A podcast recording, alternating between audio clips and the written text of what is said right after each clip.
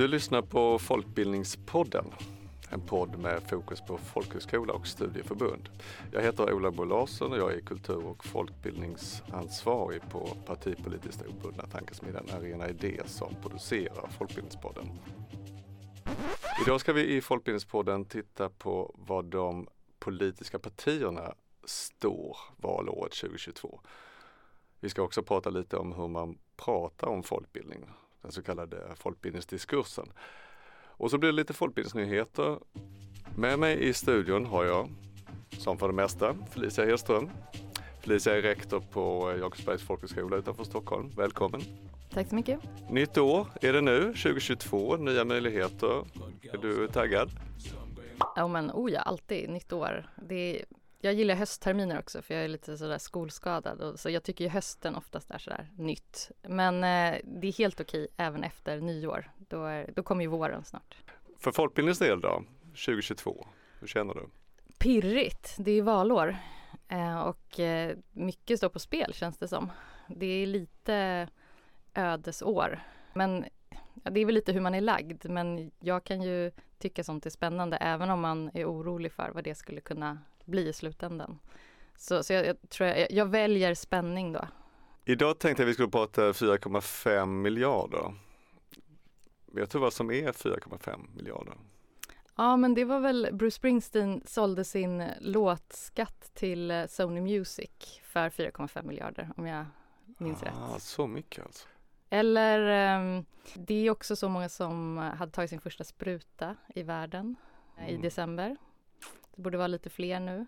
Bränns det? Statliga stödet som folkbildningen får är 4,5 miljarder kronor. Ja, det är en liten slant där ja. Ja, är det mycket med 4,5 miljarder? Blev du förvånad när du hörde det första gången?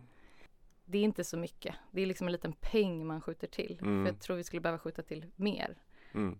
Och på samma sätt så tänker jag, jo det är mycket, det, eller jag tänker så här, det är mycket pengar att ansvara för. Det, det, där kommer ett stort ansvar. Vore jag politiker så skulle jag hålla koll på de som fick den här pengen så. Så att det inte är liksom en försumbar. Så jag tycker att den, den kunde ju vara lite högre. Folkbildning är ju ganska liten bransch så det är inte så många som tittar på folkbildningen på ett neutralt sätt. Och jag, jag tänker också rent eh, globalt är det ju exceptionellt mycket pengar också som en informell vuxen eller halvinformell vuxenutbildningsform får av staten. Det finns ingen motsvarighet i några andra länder, inte ens där till exempel folkhögskolan startades i Danmark har man ju de summorna när det gäller att liksom på statligt bidrag. Nej det är fint. Eller när man är ute och ännu mer internationellt och träffar folk som, som också bedriver samma slags verksamhet och när man berättar om situationen i Sverige så, så blir det ju helt tyst i rummet och eh, finns inte så mycket mer att säga för att kämpa för att få något statligt stöd eller något stöd överhuvudtaget för att bedriva vuxenutbildning. Mm. Så att um, det är exceptionellt med 4,5 miljarder kronor får till folkbildningen. Vad partierna tycker då om det är för mycket eller lite, det, det kan man ju ha ett enkelt svar på när det gäller mm. Socialdemokraterna. Så de, de tycker att det här är lagom för det är de som har lagt en budget. Miljöpartiet var med på det också. Hur tänker sig de andra partierna att det här ser ut då? Ja, du nämnde Sverigedemokraterna. Det är ju det är det som gör det kanske lite extra rafflande inför hösten för de vill ju faktiskt skära ner folkbildningen med en hel miljard. Till och med lite mer. Alltså en fjärdedel av den resurs vi har idag ska bort enligt dem.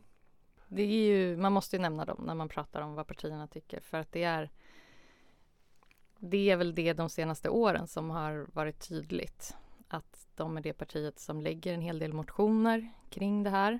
De är ju ett parti som eh, jobbar mycket liksom mot den kulturella arenan i samhället. Mm. Och eh, då har de vänt sin blick mot folkhögskolan och folkbildningen och studieförbunden. Och eh, det syns i motioner och hur de vill lägga sin budget men det syns ju också på lokal nivå. När eh, Sverigedemokraterna har styrt med andra partier, så, så att det är inte bara de ska, ska man säga, så har eh, anslaget då till studieförbunden först och främst radikalt kan man säga skurits ner. Jag brukar säga att folkbildning, eh, om man ska förklara det, så är det typ det är ett sätt att förklara kan man säga, allt roligt man har gjort fast man inte visste om. allt, som, allt som har tagit en en bit på vägen mot något som man inte sådär. Det, och då, då... Så, så Sverigedemokrater och andra partier som vill skära, de är emot allt roligt? Ja, ja mot skoj okay. liksom. Och det, mm. och det kan man sen så, för att jag tycker det jag gillar att prata om det så för att det blir så högtravande när man säger att det här är livsviktigt så. Men det, tycker, det är liksom grunden vad jag tycker. Det är livsviktigt. Men jag tycker ju att allt som är skoj, alltså så här alla kurser, liksom alla samlingsarenor för människor, utbildning eller att bilda sig. Det är ju det som till slut gör vårt samhälle. Och det är därför tänker jag Sverigedemokraterna vill vara med och tycka till där, för de fattar ju det också. Alltså det, mm. på ett sätt är det ju lite smickrande att de håller på att lägga massa energi och motioner kring det för att de fattar oss. De fattar liksom hur viktiga vi är och den, sådär. Men de har ju lite andra tankar. Eh, jag ska inte dra alla Sverigedemokrater över en kam, men om man ska gå då på vad de lägger för motioner och hur de mm. agerar vi kan, lokalt. Vi kan mm. kika lite grann på det, vad, ja. vad, vad, som just kommer upp. Först ska vi bara säga när det gäller rent eh, ekonomiskt så är det ju, det är, det är Sverigedemokraterna som står för den radikalaste nedskärningsidén. Yeah. Och sen, sen eh, nämnde jag Socialdemokraterna och Miljöpartiet att de eh, de har också med sig Vänstern och Centerpartiet på, på den här summan 4,5 miljarder. Eh, Moderaterna föreslår en neddragning med 138 miljoner kronor på det allmänna bidraget. Så det är lite mindre neddragning än en miljard. Men, yeah. men det är ändå en neddragning. Och sen 60 miljoner vill de också dra ner på, på eh, den särskilda folkbildningsverksamheten för asylsökande. Och Kristdemokraterna är eh, ännu mer eh, modesta. Det enda de säger, förutom att det ska vara kvar precis som tidigare, så, så är det 40 miljoner för anslaget till, till eh, Svenska för föräldralediga, alltså studieförbundens verksamhet där. Det är lite överraskande om man tänker på Kristdemokraterna som är ganska mycket ett familjeparti. Liberalerna vill, eh, det, det som ni på Jakobsbergs folkhögskola och andra folkhögskolor har fått ta del av den här extra satsningen på 300 miljoner kronor, den ja. ska bort. Det är synd. När man forskar om folkhögskolan, som det dräller inte av forskning kring folkhögskolan. Men när man eh, försöker liksom hitta sådär vad, vad är det som gör folkhögskolan framgångsrik då? Om man nu håller med om den premissen. En sak man har kommit fram till är så att, ja, men att vi är duktiga på att gå i liksom takt med samtiden. Att vi liksom lyckas identifiera sådär, vad, vilka grupper i samhället just nu behöver vi fånga upp som kanske ingen annan riktigt fångar upp. Sådär. Och det här tänker jag att det, det är liksom, vi ska inte tro, det finns ju massa andra utbildningsinstanser i Sverige som är jätteduktiga på det också, men vi har en egen nisch där, där vi hittat. Och jag tycker just med de här 300 miljonerna som kom, eh, har vi gjort det. och jag, ser, alltså jag ser vad vi gör, jag ser på vad andra folkhögskolor gör. Och då gör vi att vi, för vi vänder oss till folk som står långt från arbetsmarknaden, eh, som kanske har gått SFI, det kanske är svårt för man kommer när man är lite äldre till Sverige, har svårt för språket. Och då gör vi sådana kurser där man övar språket men också konkreta saker som cykelmekaniker eller fastighetsskötare eller trädgårdsarbetare och så. Så att plötsligt då så får man konkreta saker på sitt CV. Så man har en fot in i yrkeslivet på ett annat sätt än innan man hade kursen. Och det är det som skolorna har gjort. Vi har gjort sådana kurser när vi bara vi har fått motivera det här, vilka, hur kan vi nå de här grupperna? Och det är cirka 3000 utbildningsplatser man får för de pengarna, 300 miljoner kronor. Det här budget budgeten jag pratar om det är såklart, nu har det inte hänt så mycket på sistone, men det, det här lades ju i september, oktober. Så, så vi får se lite grann vad, det kan ju hända saker under tiden, att, att partierna ändrar sig och, och så. Ja, precis. Men och samma, vid samma tidpunkt så la man ju också ett antal motioner som du nämnde tidigare. Så att, eh, jag tänkte bara på de, ge några exempel på de här motionerna för att få lite konkret på hur politikerna tänker om folkbildningen. För det, det ser man ju också, även om motionerna inte alltid blir av, speciellt från oppositionen, så är det intressant att se. Jag tar några axplock här så får du säga någonting om du vill lägga, eh, lägga till eller kommentera. Vi har till exempel, om vi börjar med en eh, sverigedemokrat som heter Cassandra Sundin. Eh, hon är inne på någonting som, som väldigt många motioner är inne på eh, och som har troligen att göra med medieuppmärksamhet som studieförbundsrapporteringen har gett under 2021 och även tidigare. Hon vill att man utreder Folkbildningsrådets, eller funkar den myndigheten och kan den förbättras? Många från Moderaterna är också inne på den tanken. Vi har en moderat som heter Biana Åberg. Hon vill stoppa all statlig finansiering av eh, Folkbildningsrådet till studieförbunden och låta studieförbunden fungera under helt marknadsmässiga villkor. Man skulle gärna vilja få hit Biana Åberg och höra henne lägga ut texten kring detta. Mm. Hur tänker hon då? Ja, hon tänker kanske att föreställa sig någon slags övergång från statlig finansiering till marknadsmässighet. Det är ju spännande hur de, de här motionerna du lyfter är ju delvis då att de fokuserar på Folkbildningsrådets roll. Mm. Och som sagt, de har ju ett myndighetsuppdrag men är inte en myndighet, vilket det finns flera olika anledningar till. Men i grunden så handlar det om att folkhögskolorna har varit fria liksom, enheter som man har tänkt då att det positiva med det är att vi får liksom en pluralism inom folkbildningen också. Att det inte blir så likriktat. Sen så har Folkbildningsrådet ändå fått massa uppdrag och det tycker jag är bra. Där de ska kolla så att de här alla pengar som du sa som vi får, det ska gå rätt till och det ska också se till att eh, det som är syftet med oss, att vi ska liksom bidra till demokrati och mångfald och bildning och eh, massa Kultur. kulturen. Mm. Då det, ska, det behöver ju någon såklart kolla. Att, någon måtta på friheten. någon måtta på friheten, ja. frihet under ansvar eller vad man ska kalla det. det. Och då tänker jag att eh, är, man kan ju fundera på vad det betyder det här. Att på sådär, vad, vad är de ute efter? Att man inte ska få vara så fria och att, man själv då ska få lägga in andra saker i det där. På tal om det så att Sverigedemokraterna är inne lite på att liksom också vill vara med på den här arenan. Eller vill man lägga ner och i sådana fall vad tänker man vad skulle vara istället? Ja, då, då hade vi ändå att man skulle låta marknadskrafterna gå in och ha jättedyra lokaler som man försöker göra kursverksamhet i. Det, det finns ju idag såklart. Uh, och sådana kurser kan man gå. Ja, sådana kurser går jag också ibland. Mm. Har du någon mer motion som, du blir, som gör att vi blir klokare på varför de tycker att Folkbildningsrådet måste liksom shapea upp?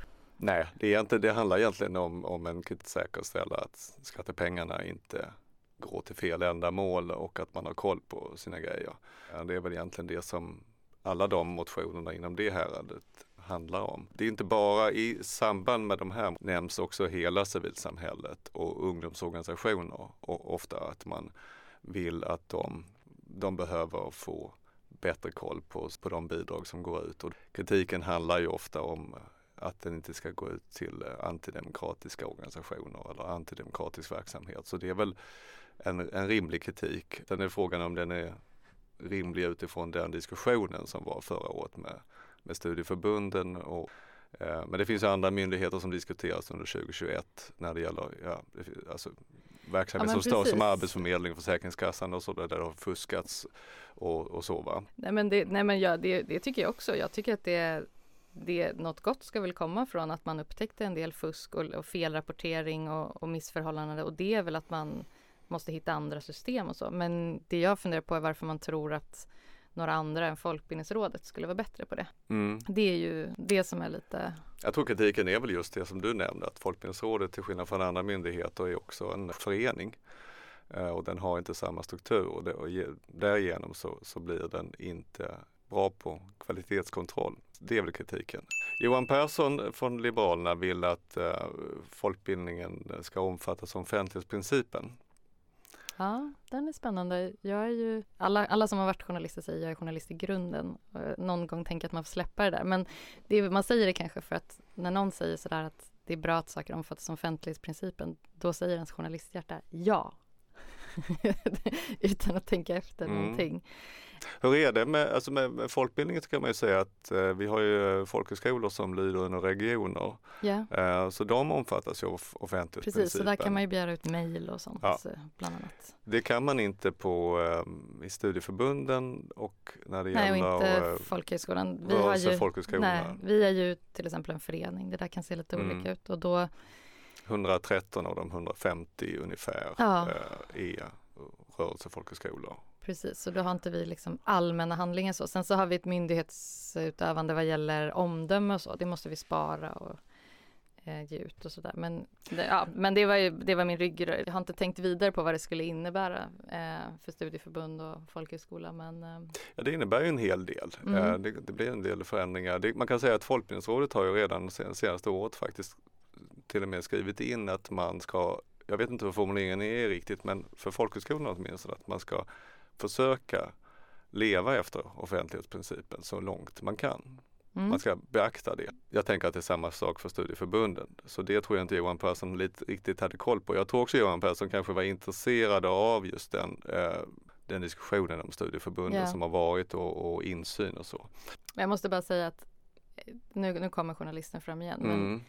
att någon lever efter det, det kan man ju säga, det är jättefint att man lever efter principen att vi ska vara öppna. Mm. Men jag vet ju hur det funkar när det stormar. Då är man inte... Första regeln för en organisation som stormar är ju att man håller saker för sig själv för att man försöker kontrollera. Liksom. Det behöver inte vara något dåligt per se utan det, kan, det är också ett, ett sätt att liksom själv samla sig när man kan säga så ja men det här har hänt eller så. Men det är en ganska svag skrivelse skulle jag vilja säga. Ja. ja. Men det som Folkbildningsrådet brukar göra, att man brukar ta in någonting, det var samma sak med kvalitetsfrågorna i början och slutet av 90-talet, eller början av 00-talet, att man började skriva saker och testar. Och sen lyfter man och så stärker man det långsamt successivt i dialog. Till skillnad från andra myndigheter, om vi ska ta lite grann skillnad mellan Folkbildningsrådet och andra myndigheter, så är det mer ett eh, där man där man på något sätt känner in traditionen. Men det är, Absolut, det är en fin grej. Men, men, men eh, den, den stannar ju kanske när man möter kritik så det är intressant. Johan Perssons motion kanske kommer att påverka detta. Han är också inne på varför jag, varför jag drog den här slutsatsen det är för att han också eh, kräver en, om, en annan motion, omtag om studieförbunds, studieförbundens bidrag och att han är kritisk mot Folkbildningsrådet som myndighet. Så det var därför jag tänkte att han, han kanske också hade det här med offentlighetsprincipen som en del av detta. Ja, låt mig ta några korta här. Den äldsta riksdagsledamoten är Barbro Westerholm från Liberalerna. Hon tycker att folkbildningen ska gå ut och folkbilda om vaccinationer. Det tycker Eh, jag också. Det, ja. det har vi det gör vi ständigt. Det Ja, jag tänker men- jag är de viktigaste uppgifterna. Måste man ha en motion om det? Eller vad ska vi vara en två Jag tror att det, led, det kanske ledde till någonting. Jag vet inte, Studiefrämjandet har varit väldigt aktiva i Järvaområdet kring detta. Sandra Quicklund, Moderaterna, vill att man skulle folkbilda mer om allemansrätten. Det är intressant med den här folkbilda uppmaningen. Den är, Det, är, det är väl som eh, det blir som vanligt när man pratar om skolor. Då, man slänger på allt som man tycker är viktigt för en människa. Och ja visst, bring it on säger jag. Det är väl Ja. klart vi ska prata om allemansrätten. Det, alltså, så här, jag, jag, inte, jag tycker, alltså det är det, om man lägger motioner om det, då menar man någonstans att det här ska man kanske ha en kursplan eller något sådär på. Alltså vi har, Mm. på folkhögskola har vi inga kursplaner, studiecirklar funkar så som att man lägger upp tillsammans och sådär. mm, jag tycker när man läser det så ser det mer ut som att hon vill ha en kampanj. En kampanj. Ja, om att allemansrätt. Att, och jag vet inte riktigt. Jag, jag, varför jag log lite grann åt det, det kanske var att jag tänker just det som du sa att den här idén att man man kan ju prata i folkbildning, jag, jag gjorde en avgränsning i början att det handlar om studieförbund och folkhögskola. Men man kan ju också använda folkbildningen på ett annat sätt, att man pratar om att Fredrik Lindström är en stor folkbildare och så vidare. Ja, det är ju de, är eh, lite grann- en tredjedel av svenska folket eh, skulle nog hävda att de är folkbildare. Just det, och jag tror att eh, Quicklund eh, Lind, som hon heter, kanske tänker lite mer så att folkbildningen är någonting som Fredrik Lindströms liknande typer går omkring och gör och berätta om hur det ska ligga till. Jag tycker hon ska göra så här. Hon ska starta en skola som, som bara handlar om allemansrätt och skogen, för det är en superviktig fråga. Alltså, jag, jag är helt för den här skolan.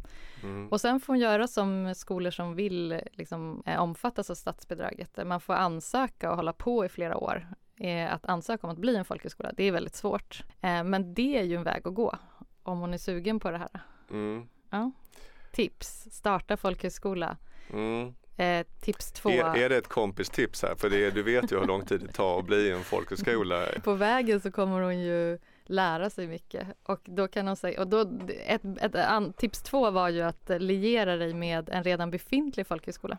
Just det. Och sen när du har lierat dig med en befintlig folkhögskola, då kan ju ni starta en kampanj och då får ni säkert, jag tänker att du får säkert ihop massa folkhögskolor som vill göra den här. Mm. Men det är inte studieförbund då? Är det...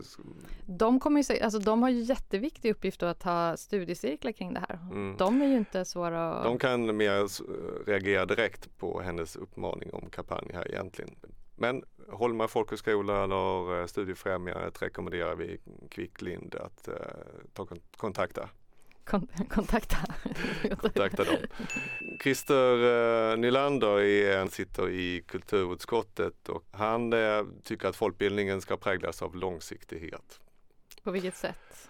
Nej, det, han bara säger det. Jag vill bara ha motkraft. Alla är inte negativa till, alla oppositionspartier är inte negativa till folkbildning. Det Nej, låter lite precis, grann så när jag, ja, när jag ja. rabblar upp alla de här motionerna så ja. kan det låta som lite kritiskt men han har ju också sagt att han hoppar av Liberalerna eh, från och med i höst för att han inte tyckte den eh, avhoppet från eh, decemberöverenskommelsen var rimligt. Mattias Vespe från eh, Socialdemokraterna som vill att folkhögskoleverksamheten som heter SMF, studiemotiverande folkhögskolekurs, ska bedriva uppsö- få pengar till uppsökande verksamhet. För det är bra. Mm, säger, säger folkhögskolerektorn. För det är svårt med studiemotiverande folkhögskoleverksamhet ja, för de som är hemmasittare kommer gärna inte till. Nej, då är man liksom hemmasittare ja. och eh, nu eh, Arbetsförmedlingen håller ju på med sin stora omorganisation och det senaste budet jag hörde var att de nästan i princip har slutat med fysiska träffar. Vilket för sig kanske kan vara från någon sån där hemmasittare som är liksom lagd åt gamerhållet och gillar mm. digitala träffar men det är väldigt svårt att nå den eh, målgruppen. På tal om det jag pratade om förut, att vi går i takt med samtiden och hittar grupper som verkligen behöver gå på folkhögskola, så har det varit en sån grupp med lite yngre människor som har inte gått klart gymnasiet och som inte heller jobbar.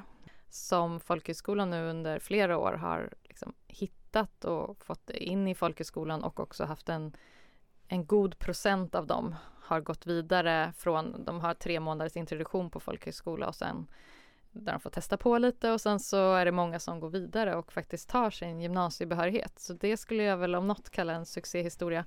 Men vi har svårt att hitta folk, särskilt nu då, då när eh, den här senaste mandatperioden i riksdagen när Arbetsförmedlingen har skurits ner så mycket. Mm.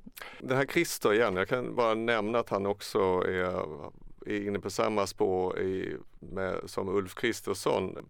De, den här översynen av det statliga stödet, att de tycker att det är dags att titta på det när det gäller folkbildningen. Björn Söder för Sverigedemokraterna vill ta bort statsbidraget helt för Ibn Rushd, en av de tio studieförbunden med muslimsk inriktning. Det är ju inte oväntat, den diskussionen har vi hört tidigare. Patrik Reslow från eh, samma parti vill inte att folkbildningen ska vara en integrationsåtgärd. Ja, vi har, vi har till exempel eh, den här Cassandra jag nämnde först som också är sverigedemokrat som tycker att på folkhögskolorna så har vi något som heter allmän kurs där man läser motsvarande komvux och de ska vara 15% av hela verksamheten minst för varje enskild folkhögskola. Cassandra vill att målsättningen kan vara 15% inte att det är ett absolut krav. Det är en idé som Sverigedemokraterna har haft sedan länge att allmän kurs är mest integrationsplatsen tror man nog utifrån hur de jag resonerar. Att vi alltid har varit, allmän kurs har alltid varit ett ställe där folk som har haft svårt att klara gymnasiet kommer och eh, då kan då såklart om man eh, är eh, lite mindre bemedlad, har lite sämre språk, då är det ju svårare att klara skolan. Det vet vi sedan tidigare. Så det är klart att det är en, en del av allmän kurs där man kommer och kanske har första generationens invandrare eller andra generationens invandrare beroende på var man i skolan ligger någonstans. Och eh, det är väl svinbra att det är en väg framåt. Mm. Där man kan få sin gymnasiebehörighet. För att vi vet ju idag att vi har ett samhälle där minsta jobb kräver en gymnasiebehörighet. Mm. Och jag, jag, tycker ju 15 procent är ganska lågt på mm. skola. En, en viktig, liksom, eller en kärnverksamhet vad vi pysslar med på folkhögskola. Mm.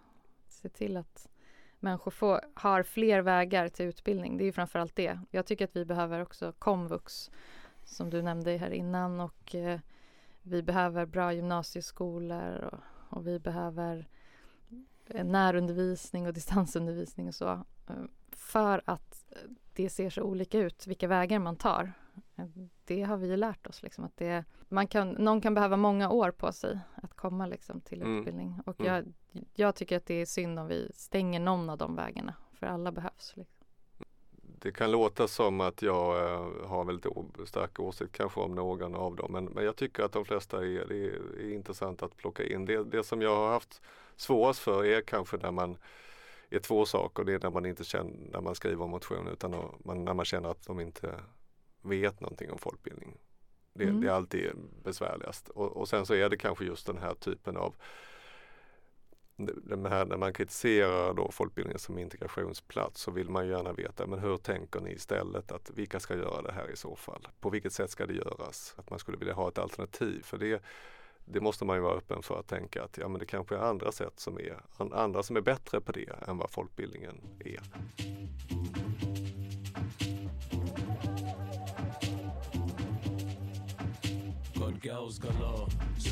Nu har det blivit dags för att titta lite grann på vad som har hänt på sistone när det gäller ett nyhetssvep eh, från folkbildningen och då är enklaste sättet är att gå in på eh, Folkbildningsrådets hemsida. Är du där ibland Felicia? Ja visst, eh, men jag är inne på sådana underrubriker som man är om man är folkbildare och sådär. Så kolla på just alla sådana anvisningar hur man ska bedriva bra folkbildning. Ja, för att vi har ju massa sådana. Det kan jag skicka medskick till de som är oroliga. Just det. Jag brukar mer eh, skanna runt lite grann på lite olika ställen. Jag läser eh, RIOS, alltså Rörelsefolkhögskolornas intresseorganisations nyhetsbrev och eh, Länsbildningsförbundets nyhetsbrev och så läser jag Folkbildningsrådets eh, nyhetssvep då. Och om man tittar där så vad som hände senast, studieförbunden eh, i samverkan har varit på en turné i hela Sverige. Sex olika platser från Kristianstad till Kiruna. Eh, under parollen Bildning förenar Sverige så har de eh, samtalat med lokala verksamheter och lokala politiker. Var det en fysisk turné? En fysisk turné. Känns väldigt exklusivt. Ja, jag tror kanske inte att den var fysisk hela vägen men eh, vi kanske har, eh, får höra mer. Jag hoppas att vi kan få hit David Samuelsson från Studieförbunden i samverkan vid ett annat tillfälle så får vi höra lite mer om detta. På EU-nivå händer det grejer för vuxnas lärande. Eh, det kan man läsa också på Folkbildningsrådets hemsida att EUs ministerråd har antagit en ny agenda för vuxnas lärande inom EU livslångt lärande och arbetsmarknadsanpassad ut, utbildningslösningar eh, är tydligen i fokus. Man uppmanar till samarbete mellan medlemsländer. Det är inte det låter lite abstrakt och så men det betyder ganska mycket för att jag har själv varit i Bryssel vid något tillfälle och det finns ju en organisation som heter EAEA. E Kom igen nu då, säg hela. Nej, det, jag, jag, jag vågar inte. Eh, men du kan säga andemeningen är Men det handlar inte om kärnbestyckning. det är inte det. Men återigen det som jag pratade om tidigare, det här med att vi har olika perspektiv. Väldigt mycket i Europa handlar just om det här att få det informellare lärandet att räknas, att valideras och uh, att få det erkänt på ett sätt. När man inte har ett statligt bidrag som, eller region, regionalt eller bidrag överhuvudtaget från offentligheten som vi har i Sverige så blir det extra Men Det är ju uh, toppen egentligen och det är inte lika konkret som att förbjuda plastsugrör eller så men det, sådana små grejer betyder mycket i EU-sammanhang. Sådana mm. liksom policyförändringar och sånt. Vi har en eh, annan nyhet som handlar eh, om lite intressant utifrån de motioner vi tittade på att man har, eh, kan läsa om att det, på Folkbildningsrådet så kommer det att vara en ny, finnas en ny visselblåsarfunktion. På tal om offentlighetsprincip och på tal om kritik mot, mot eh, statsbidragsutbetalningar. Det ska vara enkelt att anonymt rapportera avvikelser och felaktigheter som sker inom studieförbunden och folkhögskolan. Som ett led i ett pågående arbete med att komma till rätta med fusk inrättas alltså den här visselblåsarfunktionen kan man läsa på Folkbildningsrådets hemsida. Vad säger du om det? Tjallare? Tjallare? Ja, men, Eller hur ska man se på det?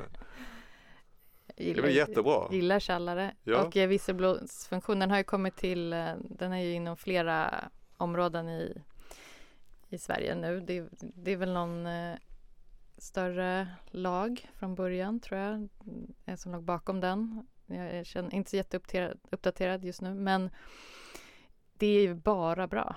Alltså sånt ska ju vara lätt. Och som sagt, eh, vi pratade lite tidigare om att granskas eller att det är ju trovärdighet till Folkbildningsrådet, allt sånt där. Det är ju kör, mm. tjalla. Mm. Vad, är nakten, vad, är, vad är det negativa med det? Vad kan, vara, vad kan bli problemet? Jag tror inte att det är så mycket. Alltså, jag tror inte folk håller på och liksom busringer eller vad, skulle det kunna vara? Att man, man ringer in, det, eller det kanske är det kanske är det nya busringningen att man använder en massa olika myndigheters, mm. organisationer, sådana visselblåsfunktioner. Mm. Men det är inte min erfarenhet utan snarare sådär att det är väl jättetydligt om man har en sån knapp.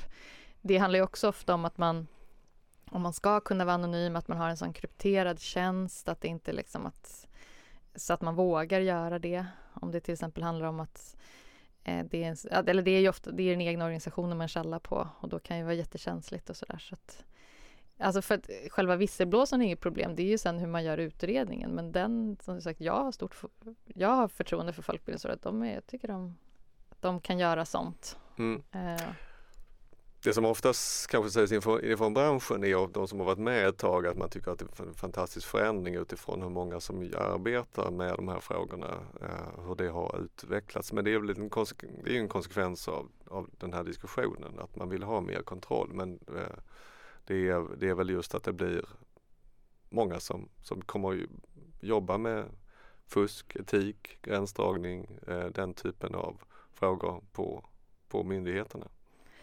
Ja, nej men eh, det får ju vara någon måtta såklart på hur mycket resurser man lägger på sånt. Alltså det, men jag tänker just eh, om, vi, om man bara pratar om en sån funktion. Så jag tror inte det bara kommer, alltså om man tänker Försäkringskassan idag har ju en sån eh, funktion som är så här att säg till om du tror att någon fuskar med bidrag. Liksom. Jag tänker att det är en viktig trovärdighetsgrej för dem. Men det är ju, sen väljer ju de Sen måste man ju precis som allt annat man väljer att fokusera på. Alltså om, om man tänker att man får in tio sådana då kanske man, då har man ju en sån erfarenhet man kan kolla på det och se att ja, men det är den här tionde vi ska gå vidare med, inte alla de här tio eller, jag, jag har ju suttit tipstelefon på journal, in i journalistiska sammanhang och det är ju, man måste ju alltid göra en bedömning. Alltså jag menar bara att det behöver inte bli det här berget av, det viktiga är att det finns en sån funktion så att man, det är liksom en temp utåt sådär. Och nu är det många som, eller det är många som skulle från det här hållet inom folkbildningen visselblåsa. Alltså jag tror ju inte att det kommer, jag kanske får helt fel på det här, men jag har bara tänkt att ah, det är bara en sån där grej som man behöver ha för att eh, den dagen det händer någonting, då ska den finnas där. Då ska det vara väldigt tydligt. Men det är inte så att jag tror att det liksom är hotline som ringer varje vecka. Att någon måste ha någon som sitter och liksom svarar i telefon hela tiden. Mm. Eh, jag kanske tänkt helt fel i det här men jag, min uppfattning har bara varit att ah, det där gör man som en, på samma sätt som att man har såna där lappar på ett sådär, vad gör du om någon skadar sig? Ett, ja. larma. Två, mm. kolla på den som är skadad. Tre, ja, så mm. På samma mm. sätt här så här, vad gör om du, och då har folk det i bakhuvudet och vet. Mm. Eh, men jag tror inte att det liksom behövs en hel av... Jag famlar lite. Ja, för att jag... nej men det, det, vi har vi har, jag varit, förstått jag att du är eh, positiv ja. Eh, och att eh, vi i den här podden då jämför Folkbildningsrådet för andra gången med Försäkringskassan. Så ja, var det så? Ja, det, det kanske vi ska... Vi, men vi ska, Försäkringskassan vi, har en fin grej vi har i vårt land så mm. det tycker jag man ska... Men alltså jag, så här, jag känner mer så här. Den dagen organisationer eller myndigheter eller så här, föreningar blir, liksom, blir oroliga för sådana här funktioner då är vi ju illa ute. Alltså man måste bara säga så här, wow, bra det här kan bara gynna oss. Alltså så här, det, det, det tror jag är en grundförutsättning.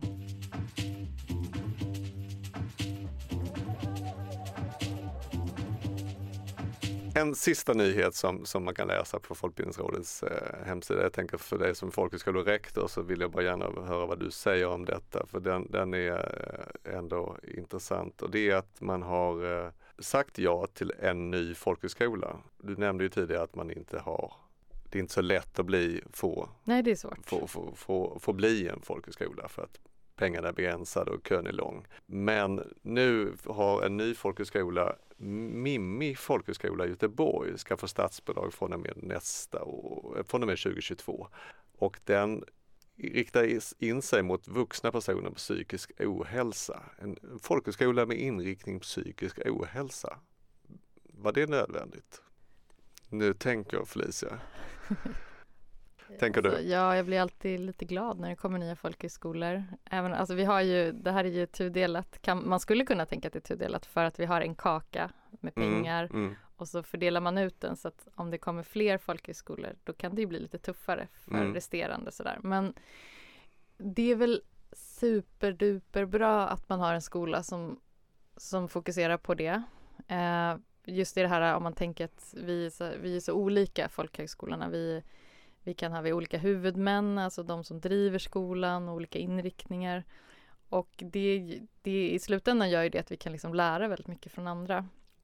Och är det någonting vi inom folkhögskolan har jobbat mycket med de senaste åren så är det psykisk ohälsa. Det är många som kommer till oss. Alltså vi har ett sånt samhälle. Vi, vi har vuxna människor men vi har en betoning kanske på allmän kurs åt lite yngre. I alla, alla fall de senaste åren har det varit så. Och eh, där är mycket psykisk ohälsa. Eh, det finns ju vissa sådana kurser och så som man har på vissa folkhögskolor. Men eh, det är väl hela folkbildningen behöver ju ta ställning till det. Det är ju en, ett, ett, vi lever i ett samhälle som, som där många har det och vi funderar mycket hur man då utbildar inom ett sånt ett sånt samhälle. Mm, där, där det, liksom, det kan ju stå i vägen för att få sin utbildning eller att bilda sig. Eh, kommer mm. man inte upp på morgonen, hur gör man då? Just det. Eh, så, att, så att, ja vad ska jag säga, det är ju svinbra. Mm. Jag tänkte mer så här att eh, psykisk ohälsa är någonting som, jag har sagt det kanske så tydligt, men jag har jobbat inom folkhögskola men också inom studieförbund, men framförallt inom folkhögskola under 90-talet, 00-talet, 10-talet. Och eh, redan på 90-talet så beklagade sig lite grann från lärarhåll att man är lärare och inte psykolog över, över den utveckling som blev med psykisk ohälsa på speciellt då allmän kurs men, men även på andra kurser på folkhögskola. Och den har väl funnits med hela tiden och det här känns ju som kanske ett försök från, från Folkbildningsrådet att se hur, som du säger, att man kan plocka upp, här, här kanske vi kan ha en spets folkhögskola när det gäller detta. Fultolkningen är kanske att man ska tänka att som andra folkhögskolor kan hänvisa till den, alltså slipper de ta ansvar för, för sina personer med psykisk ohälsa. Men det, så ska vi inte tänka.